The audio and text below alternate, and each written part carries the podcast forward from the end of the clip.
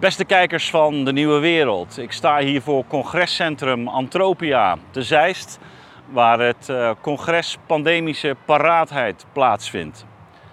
Het centrale thema van dit congres is de evaluatie van het coronabeleid van de afgelopen twee jaar. Wat hebben we gedaan, wat heeft het opgeleverd en hoe kan het beter? Uh, daarover gaan we met elkaar uh, in gesprek. Thomas Bolle, Wierduk en ik hebben het onderdeel media voor onze rekening genomen. Uh, hoe heeft de media geopereerd de afgelopen jaren? Hoe kan dat beter? En hoe zorgen we ervoor dat bij een volgende calamiteit we op een andere manier met elkaar in gesprek treden en ook andere uh, afwegingen maken dan uh, de afgelopen twee jaar is gebeurd? Ik wens jullie veel inspiratie uit het ehm, verslag dat hieronder volgt. En um, tot een volgende uitzending bij de Nieuwe Wereld.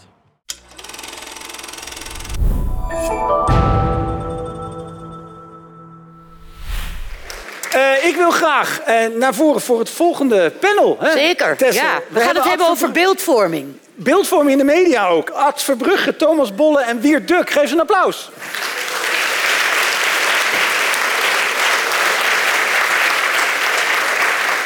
Je krijgt nieuw water. Ga zitten, neem plaats. Hi. Hi. Tesselblok. Ik, Kussentje. ik zie je nog alles. Ga jij het water verzorgen? Ja, ik, bij deze heren doe ik het anders. Geef ik de fles door. Dan zeg ik eventjes gauw wie wie is en jij gaat verder. Ad Verbrugge, over there. Filosoof, presentator van De Nieuwe Wereld. Politiek activist, gaat dat ver? Nee. Wat jij wil. Muzikant gaat niet ver genoeg? Oké. Okay. Thomas Bolle in het midden. Hij is journalist, onder andere bij Follow the Money, bij De Correspondent en ook bij diezelfde Nieuwe Wereld. Dat is overigens een uh, tv-kanaal, hè? Een YouTube-kanaal. YouTube. Ja, ik noem het een tv-kanaal. Ja. Het is beeld. En naast mij Wiert Duk. Hij is journalist, ook historicus, journalist bij de Telegraaf, columnist. Schuift hier en daar aan tafels aan en nu op een kussentje naast ons. Joep. Ja, aan jou het begin.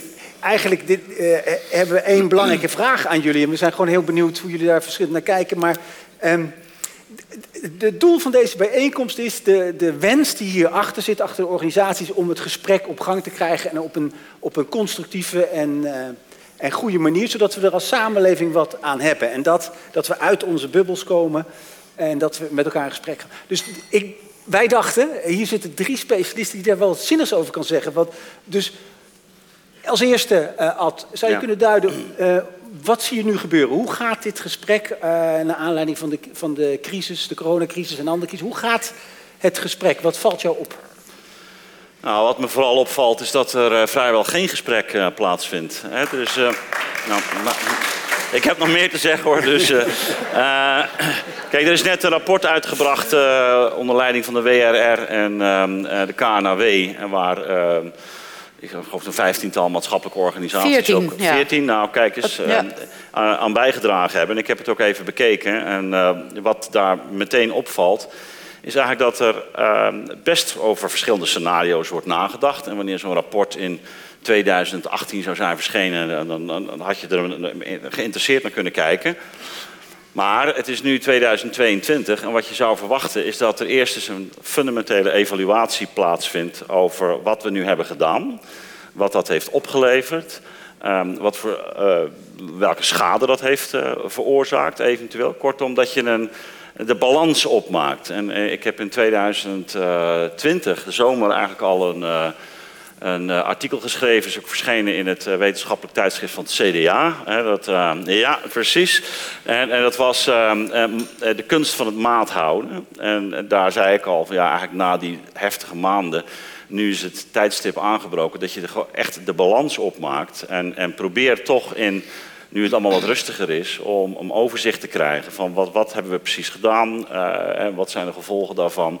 Nou, er werd zo even ook al naar de kwalies uh, gerefereerd, er zijn rapporten verschenen. We hebben toen ook al lang kunnen overzien wat, wat dit met kinderen deed, wat het in achterstandswijken deed, wat het uh, met, uh, laten we zeggen, midden- en kleinbedrijf deed. En, en ook wat voor verwachtingen je zou mogen hebben van maatregelen. Nou, er is, er is nu natuurlijk nog een aantal lockdowns is daarbij gekomen, avondklokken. We hebben ondertussen ook gezien hoe er een vaccinatiecampagne is, is ingezet. En ook daar weer met bepaalde beloften die zijn gedaan en ervaringen die we hebben opgedaan. En wat mij opvalt, en dat, dat geldt, ik bedoel, ik ben geen specialist, maar wel filosoof. Eh, dus je, je, je kunt nog wel enigszins nadenken.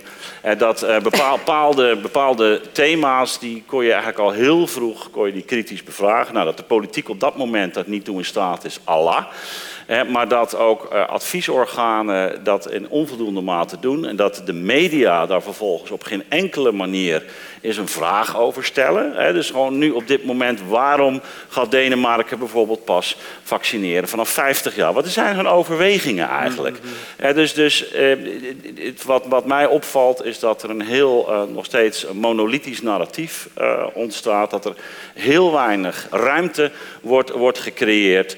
En dat de media daarin... Je moet, je moet even, niet, niet alleen voor mij hoop ik, maar wat is een monolithisch narratief? Nou ja, dus, dus, dus, dus een, een narratief waar eigenlijk geen, uh, geen ruimte meer zit om, om vragen te stellen. Ja. dus, dus, en, jij, ja, en, jij verwees net naar, je zei van, heb ik in de media niet gezien. Nou ben jij zelf uh, zichtbaar in Nieuwe Wereld. Is, is, als je het dan over de media hebt, heb je het dan over uh, al, al, ook de nieuwe wereld, of heb je het dan ook waar nee, uh, actief Nee, we hebben, het, we hebben het over, we hebben het over de, de, de, de mainstream media. Um, hè, dus de, wat we de traditionele media noemen. Ja. En, de, en ik, ik, ik, zal niet alles over één kam scheren, maar gewoon de teneur. Ja. Ik bedoel, Telegraaf doet zeker uh, ook bij monden van Wier Duk de laatste tijd ook wel zijn best. En maar als je zeker kijkt... De laatste tijd, onthoud je dat even? Want we hebben het over 2,5 jaar, hè? Ja, ja, ja. Laatste nee, tijd. Nee, maar die waardering is er. Die, die waardering de pandemie aan het woord gelaten. Nee, zeker. Nee, absoluut, absoluut. Maar mag ik heel even? Want jij, Joep, jij zegt inderdaad, hè, hoe doe je dat zelf? Helemaal in het begin hoorden we Ewald Engelen zeer genuanceerd... fuck de pers roepen, in zijn algemeenheid, uh, in Nederland. Daar zit hij. In Nederland. Niet over deze drie natuurlijk, dat begrijp ik. Maar Thomas Bolle, jij bent journalist, onder andere bij Follow the Money, bij de correspondent. Voel jij je aangesproken als Ewald Engelen dat zegt, maar ook als, als, als, als uh, je buurman zegt. De pers heeft het toch in Nederland ook wel een beetje laten liggen om echt kritiek te leveren of nieuwe, of nieuwe inzichten gewoon op te roepen. Om eens even buiten de gebaande paden te treden, omdat het allemaal zo nieuw en eng was. Voel jij je daardoor daartoe aangesproken? Identificeer me niet als de pers. Dus daar, nee, maar je bent er wel uh, een dus onderdeeltje van. Ik ben zelf ook, uh, uh, ik vind dat het juist goed is om ook kritiek te leveren op instituten. En de pers is ook een instituut, een machtsinstituut. En het is juist de rol van journalistiek om de macht te be bevragen. En ik denk dat het belangrijk is om die rollen van media te definiëren. Want we, we praten over de media, maar hebben we het dan over journalistiek? Of hebben we het gewoon over entertainment? Want dat is ook een uh, belangrijke rol van media. En ik denk dat die uh, zaken heel veel door elkaar gaan lopen. En dat we ook een, uh, een overvloed hebben aan entertainment en opiniemakers die hun hun, gewoon hun gut feeling geven en lekker stemming maken. En eigenlijk niet echt gedegen onderzoek doen. En we hebben tekort aan onderzoeksjournalistiek. Waar mensen echt tijd spenderen aan het uitzoeken hoe zit het nou echt? Wat zijn de feiten? Wat zijn de opinies? Hoe kun je daar naar kijken? Hoe kun je dat interpreteren? En daar heb je wat aan, want dan kunnen we dingen uh, ook leren daarvan. En dan kun je dus ook, uh, dan help je de bevolking om op basis van jouw onderzoeken ook zelf een mening te vormen. Want dat, dat, zie jij wel als een taak van... Dat is een, een, een taak... In elk geval de geschreven journalistiek van, bijvoorbeeld. Van, nee, nee, eigenlijk van, van alles wat, van, wat journalistiek uh, zich journalistiek noemt. Dus we hebben meer onderzoeksjournalistiek nodig en minder, minder opiniemakers. Maar media, media in, in het al, algeheel... Hè, kijk, ook als je um, op een gegeven moment een grote groep kijkers hebt heb je ook een verantwoordelijkheid. Dus het is niet geheel vrijblijvend.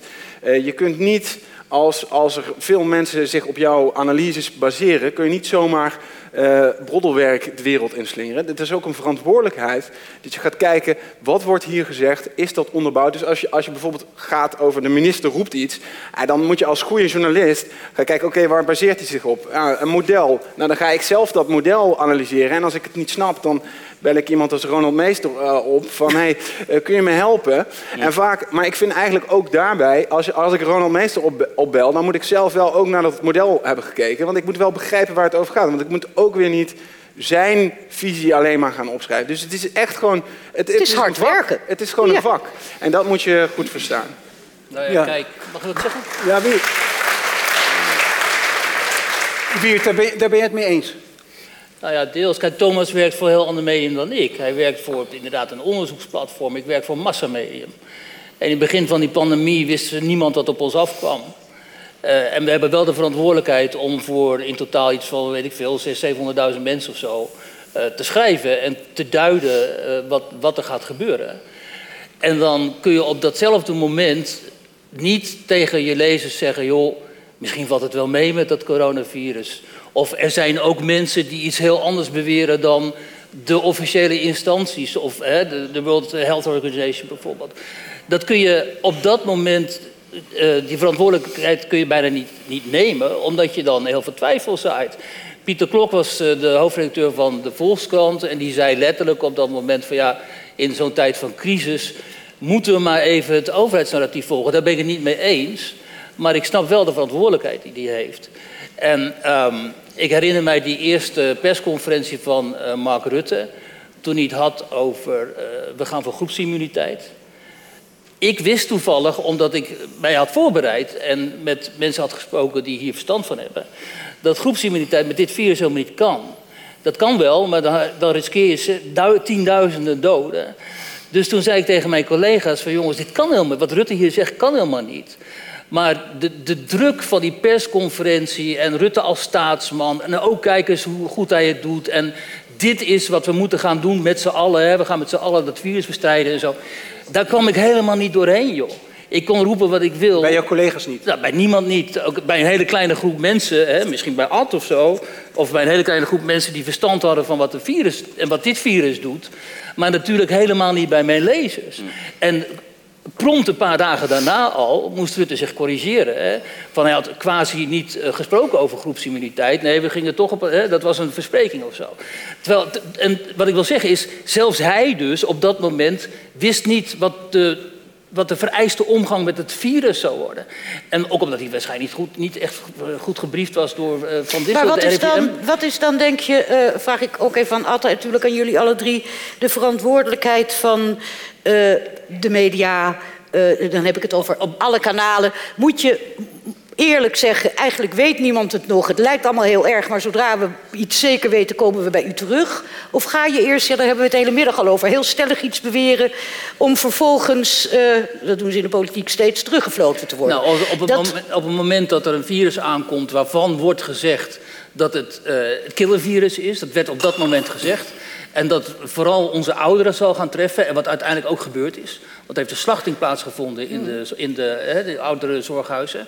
Wat een schandaal is overigens.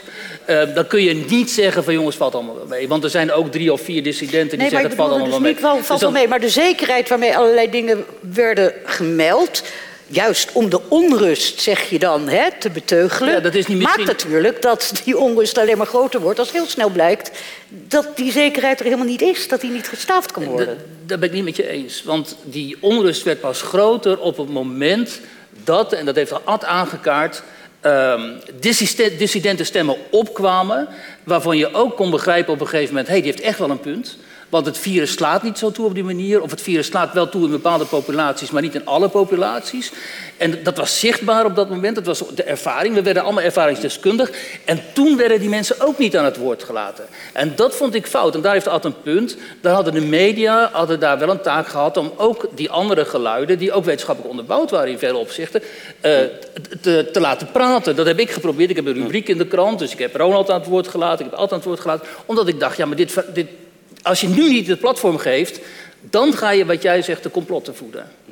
Ja, misschien uh, in, in, reactie op jouw vraag, hè, wat, wat, zou dan de taak van de, van de media zijn? Nou, het is terecht natuurlijk wat Thomas zegt, je hebt allerlei soorten media. Uh, maar idealiter uh, wordt er in ieder geval ruimte gecreëerd. En ruimte creëren, en dat hoeft niet iedereen te doen. Hè, dat hoeft niet op, bij, op één, door, door iedere tafelgast te worden gepredikt. Maar je verlangt wel naar die momenten Zeker als je dat combineert met de rol van een Tweede Kamer, hè, waarin je toch een stap terug doet, ook in die media, en een zaak enigszins in perspectief probeert uh, te trekken. dus dus ik, ik heb me vrij goed ingelezen al in uh, nou, een beetje zo februari. Ik had wel een, een zeker beeld. Dat was natuurlijk nog niet, uh, was nog heel veel onduidelijk. Maar in de loop van die maanden, ook, ook ja, maart, april, begon het toch wel het een en ander binnen te druppelen. En dan kun je, dan kun je een gedifferentieerde boodschap gaan, uh, ook, ook gaan verkondigen. En daardoor kun je ook een veel redelijker gesprek gaan voeren met elkaar in de Kamer. En dan kun je gaan zeggen, oké, waar, waar, zitten de risicogroepen? Um, wat gebeurt er als we uh, deze generieke... Waarom benaderen we het zo generiek? En wat gebeurt er als we die, die maatregelen zo generiek en voor iedereen uh, doorvoeren? Wat voor slachtoffers vallen er dan? En wat mij opviel is dat, uh, laten we zeggen, het, het, het sentiment uh, uh, hoogtij vierde. Um, en, en, nogmaals, ik heb ook met iedereen te doen die, wiens, wiens vader of moeder komt te overlijden of wiens partner. Evident. He, maar van de politiek wil je, en voor een deel ook van de media, want de media vormen nu eenmaal de publieke ruimte. Het is de, de, het forum of de agora, uh, maar dan in een, in een digitale om, of, of een virtuele omgeving. Dus we willen toch dat gesprek met elkaar, ook om bepaalde moeilijke maatregelen op een gegeven moment door te kunnen voeren. Dus je moet en dat hoeft niet iedere krant, hoeft niet iedere radio maar je moet gewoon goede plaatsen hebben waar een wat rustiger gesprek plaatsvindt. Even maar dan was het dus wel enorm hinderlijk dat dit verhaal uh, gekaapt werd door Forum voor Democratie. Uh, een, een, beweging die het virus in feite ontkende. Nee, maar, en weer, met, een, met een leider die zegt, het, kon, het, het kon gekaapt worden. Het kon gekaapt worden, precies op die manier, omdat die redelijke stem ontbrak. Dus ja, het is... Dat, ja, dat, ja. ja, dat is... Uh, Dat is, dat is, dat is, precies, dus, dat is precies wat je krijgt. En ik, ik vind dat echt ook, de, de, er zal een, een, toch een zelfbezinning ook binnen de media plaats moeten vinden. En nogmaals, eh, het gaat er niet om alles over één, kant te scheren. En ook niet alle journalisten over één kant te scheren. Maar de teneur is er toch één geweest tot op de dag van vandaag en waarin we niet die afstand kunnen nemen en zeggen: oké, okay, uh, wat betekent het nu lange termijn? Wat doet dat met jongeren? Wat doet dat met levens? Uh, wat zijn de voor- en nadelen rond, rond vaccinatie? Wat zien we daar voor schaduwzijden aan? Nou, en, en, ik, en ik, wat, ik, wat ik vooral merk, uh, ik heb onlangs weer eens 1984 gekeken, dus dat er een taal opkomt. Hè, nee, hè? niet die nieuws, de, nieuw, de nieuwspraak, jazeker. En dat geschiedenis herschreven wordt dus dat, dat we, we. Ik, ik, sprak onlangs iemand die zei: ja, maar die, die vaccins die waren toch helemaal niet bedoeld uh, tegen als bescherming voor, voor uh, besmettelijkheid. Ik zeg: kom nou, daar was het hele 2G-beleid op gebaseerd. Weet je? En dus dat we eigenlijk geen heldere verhaal hebben over wat hebben we nou allemaal gezegd, wat hebben we gedaan, hoe zijn dingen gelegitimeerd. En ik, en ik vind dat de politiek daar enorm heeft laten afweken, weet ook de Tweede Kamer. En dat de media ook niet die ruimte hebben, hebben gecreëerd. En, en daar kun je nog een stap natuurlijk verder. Hoe komt dat weer? En dan denk ik dat we echt op, en dan hoef je niet naar conspiracy, maar dat daar ook, laten we zeggen, op, op structuurniveau ook echt wel belangen in het spel zijn die, uh, die ongezond zijn. Hmm.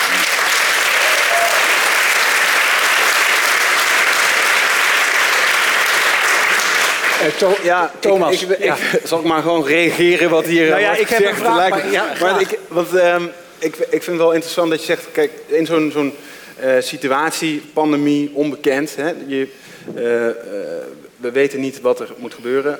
En de regering pakt het voortouw. En die, die kiezen een bepaalde lijn. Dat is denk ik ook de rol van de overheid. Die proberen die situatie te managen.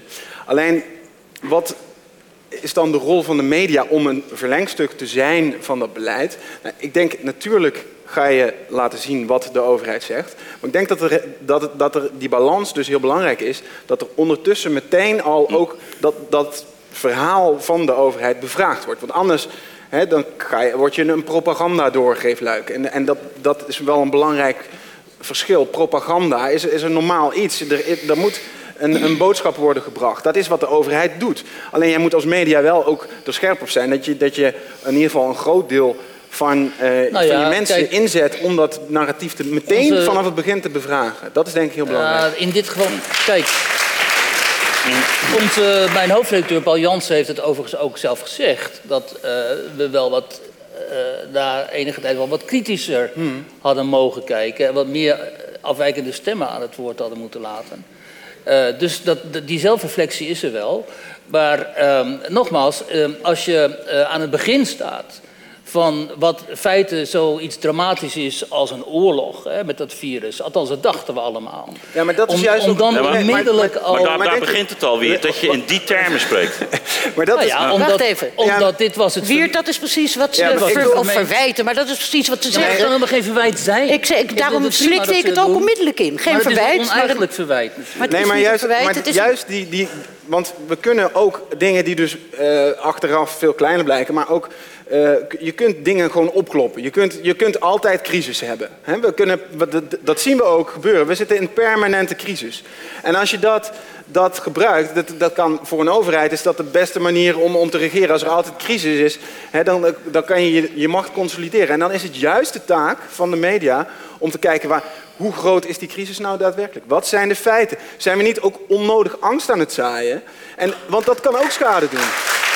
Dat vind ik wel heel belangrijk. Ja, kijk, dat, dat, kijk, ik ben net zo kritisch op de overheid als jij. En op, ik zie op allerlei dossiers, zie ik tot mijn grote verbazing, dat de media in de pas lopen met de, het gezag. Hè, dat is niet alleen op dit dossier. Dat is op allerlei dossiers waar ik toevallig ook af en toe verstand van heb, dat ik denk, waarom zijn die geluiden niet wat kritischer? En maar toch was dit anders. Dit was niet een politieke keuze waar, je, waar, men, waar media achteraan gingen, gingen lopen. Het was niet een, een politiek besluit waarvan je kunt zeggen, nou daar kun je voor of tegen zijn. De algehele indruk wereldwijd was, er komt iets op ons af, we begrijpen het nog niet goed, maar het kan dat killervirus zijn. En hoe gaan we hiermee om? En dan kun je niet zeggen op dat moment, oké, dat is een politiek besluit dat er een virus komt. Nee, het was. Weet je? Dus als jij dan het verwijt maakt van... je had in het begin kritisch, of jullie hadden in het begin kritisch moeten zijn... hoe kun je daar nou kritisch op zijn als we nog helemaal niet wisten... wat er precies op ons Maar afkwam? goed, maar we dat is de moesten eerste, afgaan maar op dat is de eerste twee maanden Laat ze nog even, laat, laat ze nog even, Thomas, Ja, daar ja, antwoord op. En, Eh, Nou ja, het lijkt mij dan ook, want eh, ah, deze situatie Eén is seconde. twee, Thomas? Ja, twee maanden...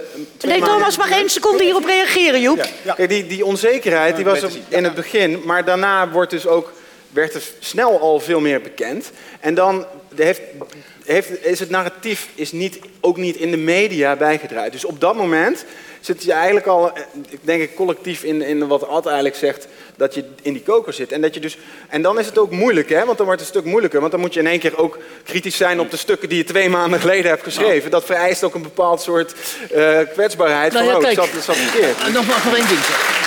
Je mag, je mag zo. Ik wil even, heel even naar het publiek. We komen Ja. nu absoluut terug. Joep. Mijn naam is Kees-Jan van der Klooster. En ik, ik ga me bijna een beetje afvragen. Deze twee heren, u bent journalist, begrijp ik. En na 2,5 jaar... ehm, ik, eh, ik ben geen journalist, maar ik heb wel een beetje wat bekeken. Vraag ik me af, zijn jullie op de hoogte van bijvoorbeeld... eh, de Influenza Pandemic eh, Stakeholders Meeting op 22 januari 2019... waar onder andere ook de heer Van Ranst heeft gesproken... Of Event 201, wat eh, ergens oktober 2019 heeft plaatsgevonden. is natuurlijk allemaal goede voorbereiding voor stel dat het gebeurt. Maar zijn jullie op de hoogte van, eh, van deze meetings? Je bedoelt te zeggen dat destijds de. IC's, de IC's ook overliepen en dat we daar... Nee. Nee, nee, nee, u begrijpt me niet verkeerd. Ik heb het over de Influenza Pandemic Stakeholders Meeting... die gehouden is, Oh, waar Ab Oosterhuis, goed gehoord, ja, sorry. waar Ab Oosterhuis de voorzitter van was. Ja, ja, ja. En waar meneer Van Ranst een prachtig verhaal heeft eh, gehouden... hoe je de mensen zoveel mogelijk... En je moet zorgen, je moet zorgen dat je zo snel mogelijk bovenop de media zit... Want dan ben jij de eerste, je moment bent dag en nacht bereikbaar. wa- oh, kijk, wacht even, wacht even. Jongens, dit Hallo. loopt helemaal... Hier, uh, Dankjewel, dit, dit dankjewel. volgt niemand meer. Nee, de, het, de, vraag was duidelijk, waren ze op de hoogte? Heb je daar een antwoord op? Ja, ik ben, Ad knikte van ja, maar die Ja, andere ook. twee? Ze waren daarvan op de hoogte. ja. Mona. Ja. Nee, ik heb nog ruimte voor één. en Dat is die meneer aan de buitenkant. De rest is... Mona, jij wilde... Nee, stak jij, stak jou. Oh, maar dit is een classic. Dat ik twee Elena. blonde vrouwen... Oh my god. Ga staan. Ga staan. Ga staan. Sorry. Sorry. Ja, ik wil. eh, ik, ik, ik, ik, draai me om. Ja, ja, precies. Ja, nee, ik- Vergeef mij. Ehm, ja, ik draai me ook een beetje eh, naar Ewald, maar ehm, ook eh, wat daar net werd gezegd. Kijk, ik denk dat we met z'n allen vaststellen dat de eerste reactie van de media inderdaad eentje was die we niet wenselijk vonden. Hè? Laten we het daarop houden. Maar ik wil wel gezegd hebben dat er ruimte moet zijn voor een zelfcorrigerende eh, mechanisme. Ik heb zelf ehm, de ervaring met Maarten Keulemans van de Volkskrant, die we natuurlijk allemaal kennen, die heel veel best wel misleidende dingen, denk ik, heeft geschreven. Hij is uitgenodigd. Hij, ehm, hij is meerdere keren daarvan beschuldigd, ook door mij. En wat hij vervolgens is gaan doen, is mij bellen, appen, eh, e-mailen. Ehm, elke keer als hij een vraag heeft, dan moet ik hem echt even nageven. Dan eh, e-mailt hij mij en dan vraagt hij mij om wetenschappelijke stukken. En dat heeft er gisteren wel toe geleid dat hij een stuk heeft geschreven... wat ik zelf graag een jaar geleden al in de krant had gehad. Tuurlijk. Maar het feit dat hij over nu eindelijk de discussie over de oversterfte op papier zet... Ik ben blij, iedereen vroeg mij van Eline, waarom word jij niet geciteerd? Ik hoef niet geciteerd te worden. Ik heb hem gevoed. Hij heeft mij daarvoor bedankt. En hij brengt het in de krant. En ik vind wel dat zolang we vak media blijven roepen... dan zal dat zelfcorrigerende natuurlijk nooit gaan plaatsvinden. Als je nou de Telegraaf... Dankjewel. Even, Joep. Wierduk. Als je nou de Telegraaf had gelezen, had je in december 2021 uitgebreid stuk over oversterfte. eh, Maar van dezelfde strekking wil je zeggen. Nou ja, met Ronald Meester en Pieter Omtzigt en ook Ruben Vergaal, het CBS. Dus, eh, en dat was een prima stuk waarin die de vraag werd opgeroepen waar hebben we nou eigenlijk mee te maken. Ewald. Ja, je houdt hem vast natuurlijk. Ehm, ja, nee, ik ben het er helemaal mee eens hoor dat we eh, moeten streven naar een pers die zelfreflexief is en die dus eh, terug durft te keren op eerdere dwalingen. Eh, dat gezegd zijnde, eh, denk ik dat het heel goed is, ook voor het publiek hier, om te beseffen dat we de laatste 15 jaar een megaconcentratie in het Nederlandse me- medialandschap hebben meegemaakt. 80, 90 procent van in ieder geval de dagbladen ehm, is in handen van drie eh, eh, Belgische concerns. Er wordt enorm veel geld mee, ver, twee, wordt enorm veel geld mee verdiend. We hebben een eh, publieke omroep die eigenlijk steeds meer entertainment aan het doen is en steeds minder nieuwsgaring aan het doen is. De ruimte voor onderzoeksjournalistiek, waar Thomas terecht de nadruk op legde, is enorm afgenomen. En ik heb de indruk, en, en dat heb ik in ieder geval gestaafd gekregen via WOP-achtige documenten die uit Duitsland naar voren zijn gekomen. Hetzelfde verhaal is ook bekend uit het Verenigd Koninkrijk, dat er inderdaad direct na het bekend worden van die pandemie van overheidswegen in die twee landen in ieder geval een poging is gedaan om ik zal het woord toch maar even gebruiken, gelijkschakeling van de media te bewerkstelligen, ten einde Operation Fear eh, te gaan doorvoeren. En dat is allemaal gedaan, dames en heren. En ik bedoel, je hoeft het boek niet te onderschrijven om de titel in ieder geval mee te nemen. To manufacture consent. Hè, er moesten gedragsveranderingen bij de populatie bewerkstelligd worden. die eh, radicaal braken met onze normale manier van samenleven. En de media zijn gebruikt om dat te doen. En Oké, dankjewel. Dankjewel. Punt, nee, ik moet je... Ja, ja, het is goed. Punt is duidelijk. Ja. ja. Maar Joep, we gaan Joep. Maar- één seconde om, want dit, Maar hoe hier kan mag het nou? iemand van de media, hier mag iemand van de media nog even op reageren. ik toch? werk Ja, voor... Want zij worden, Ad of Thomas Ja, ja, of Wiert, Nou, maar Jullie zijn ik werk misbruikt. voor die, dat, uit een Belgische uitgeverij, althans die is eigenaar van de Telegraaf. En ik heb hier nooit iets van gemerkt. Dus, Maar dat ehm, zegt niet dat het niet nou, zo was. ik zou toch wel in mijn positie heus wel weten als er gepraat werd over gelijkschakelen van. of Vinden jullie- Dat, eh, eh, heel even nog, daar gaat het ook helemaal niet om. Het gaat erom, eh, ja, het gaat misschien wel een beetje om, maar het gaat vooral om dat bij media heel veel kennis ontbreekt. Omdat er steeds minder journalisten steeds meer werk moeten doen. Ook werk in, in thema's moeten duiken waar ze helemaal niet zoveel verstand van hebben. Nee, wel- het gaat me even, dit gaat, dan gaan we weer helemaal... Ik wilde alleen even Nou ja, weten, Thomas, voelen jullie je misbruikt? Dat wat, wat, wat Ewald Engelen zegt. Nee, nou, ik, ik wil even, dat, ik laat dat even, want, want ik wil, zou eigenlijk vooral even naar de toekomst willen kijken. Want wat, wat, wat denk ik belangrijk is, dat we allemaal behoefte hebben aan goede duiding van wat er gebeurt in de wereld.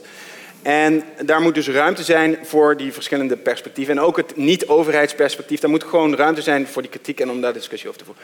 Wat, je, wat, wat we nu zien ontstaan is dat er toch uh, veel alternatieve kanalen ontstaan. En ik denk dat het aan de ene kant dus heel goed is. Daardoor krijg je toch dat geluid, komt wel ergens naar buiten. Alleen daar verliezen we dan vaak ook weer de journalistieke normen. Dat je dus goed onderzoek doet, dat je dat onderbouwt, dat het geverifieerd wordt. En dat je daar ideologische tunneltjes krijgt. En dat is denk ik heel slecht voor wat we in het begin zeiden. Van als je nou juist met elkaar in gesprek wil, moet je dus niet al die tunneltjes krijgen. Maar moeten we ook gewoon wel echt op, op, op plekken waar gewoon veel, veel mensen bij elkaar komen, die diversiteit uh, kunnen lezen. En dat zijn toch ook de grote dagbladen. Dus daar ligt wel echt een uit, uitdaging. En op tv. Ja. Dankjewel. En tenslotte, Ad. Ad nog even. Ja, nee, ik, uh, ik sluit me daar natuurlijk uh, helemaal bij aan. Uh, ik, even in reactie op uh, de eerste ontwikkeling die, die Ewald schetste. Ik denk dat het niet voor niets is dat uitgerekend in deze periode inderdaad die alternatieve media ook zo zijn opgekomen. Dat geldt dan ook voor ons kanaal. We, hebben een enorme, we bestonden al een stuk langer, maar we hebben een enorme groei doorgemaakt. En, en, dat is geen toeval. Ja, en wat Thomas zegt, dat herken ik natuurlijk ook. tegelijkertijd valt mij ook op, en dat, dat, hebben we onlangs ook gezien rond Big Tech. zelfs een, een, een, goede, eerwaardige meneer als John Campbell is vanwege het thema oversterft gecensureerd. Het is, je ziet ook dat ook, ook in die sociale media toch wel heel lastig is om een open gesprek uh, te voeren. Um, daar hebben wij zelf inmiddels ook uh, de nodige ervaring mee. En uh, ik denk wel dat ook hier het wel een taak is van de politiek om ruimte te openen. En nogmaals, daar, daar heeft iedereen ook zijn verantwoordelijkheid in. Daar ga ik helemaal in mee. Maar er moeten ook wel dingen aan de orde kunnen worden gesteld. die misschien buiten een narratief vallen, maar die wel besproken moeten worden. En dan is het ook heel belangrijk, en daar hebben we zelf ook ervaring mee dat ook, laten we zeggen, reguliere wetenschappers, hè, die, uh, laten we zeggen, aan de universiteit een, een, een, een uh, veilige positie hebben, dat die ook gewoon zonder angst mm -hmm. ook uh, tegenover bijvoorbeeld een Theo Schetters durven komen uh, te zitten, om daar gewoon een open gesprek te voeren met elkaar over wat er aan de hand is. En ik heb gemerkt dat we de afgelopen twee jaar ook in dat opzicht echt met een verstikkend klimaat hebben te kampen, waarin mensen niet meer durven te spreken. Ja, en dat is niet alleen een doodsteek voor de wetenschap, dat is eigenlijk ook een doodsteek voor de democratie. Je. Dankjewel. Dankjewel. Dankjewel, Wiert, Thomas en Ad Verhoeven. Dankjewel. Dank jullie.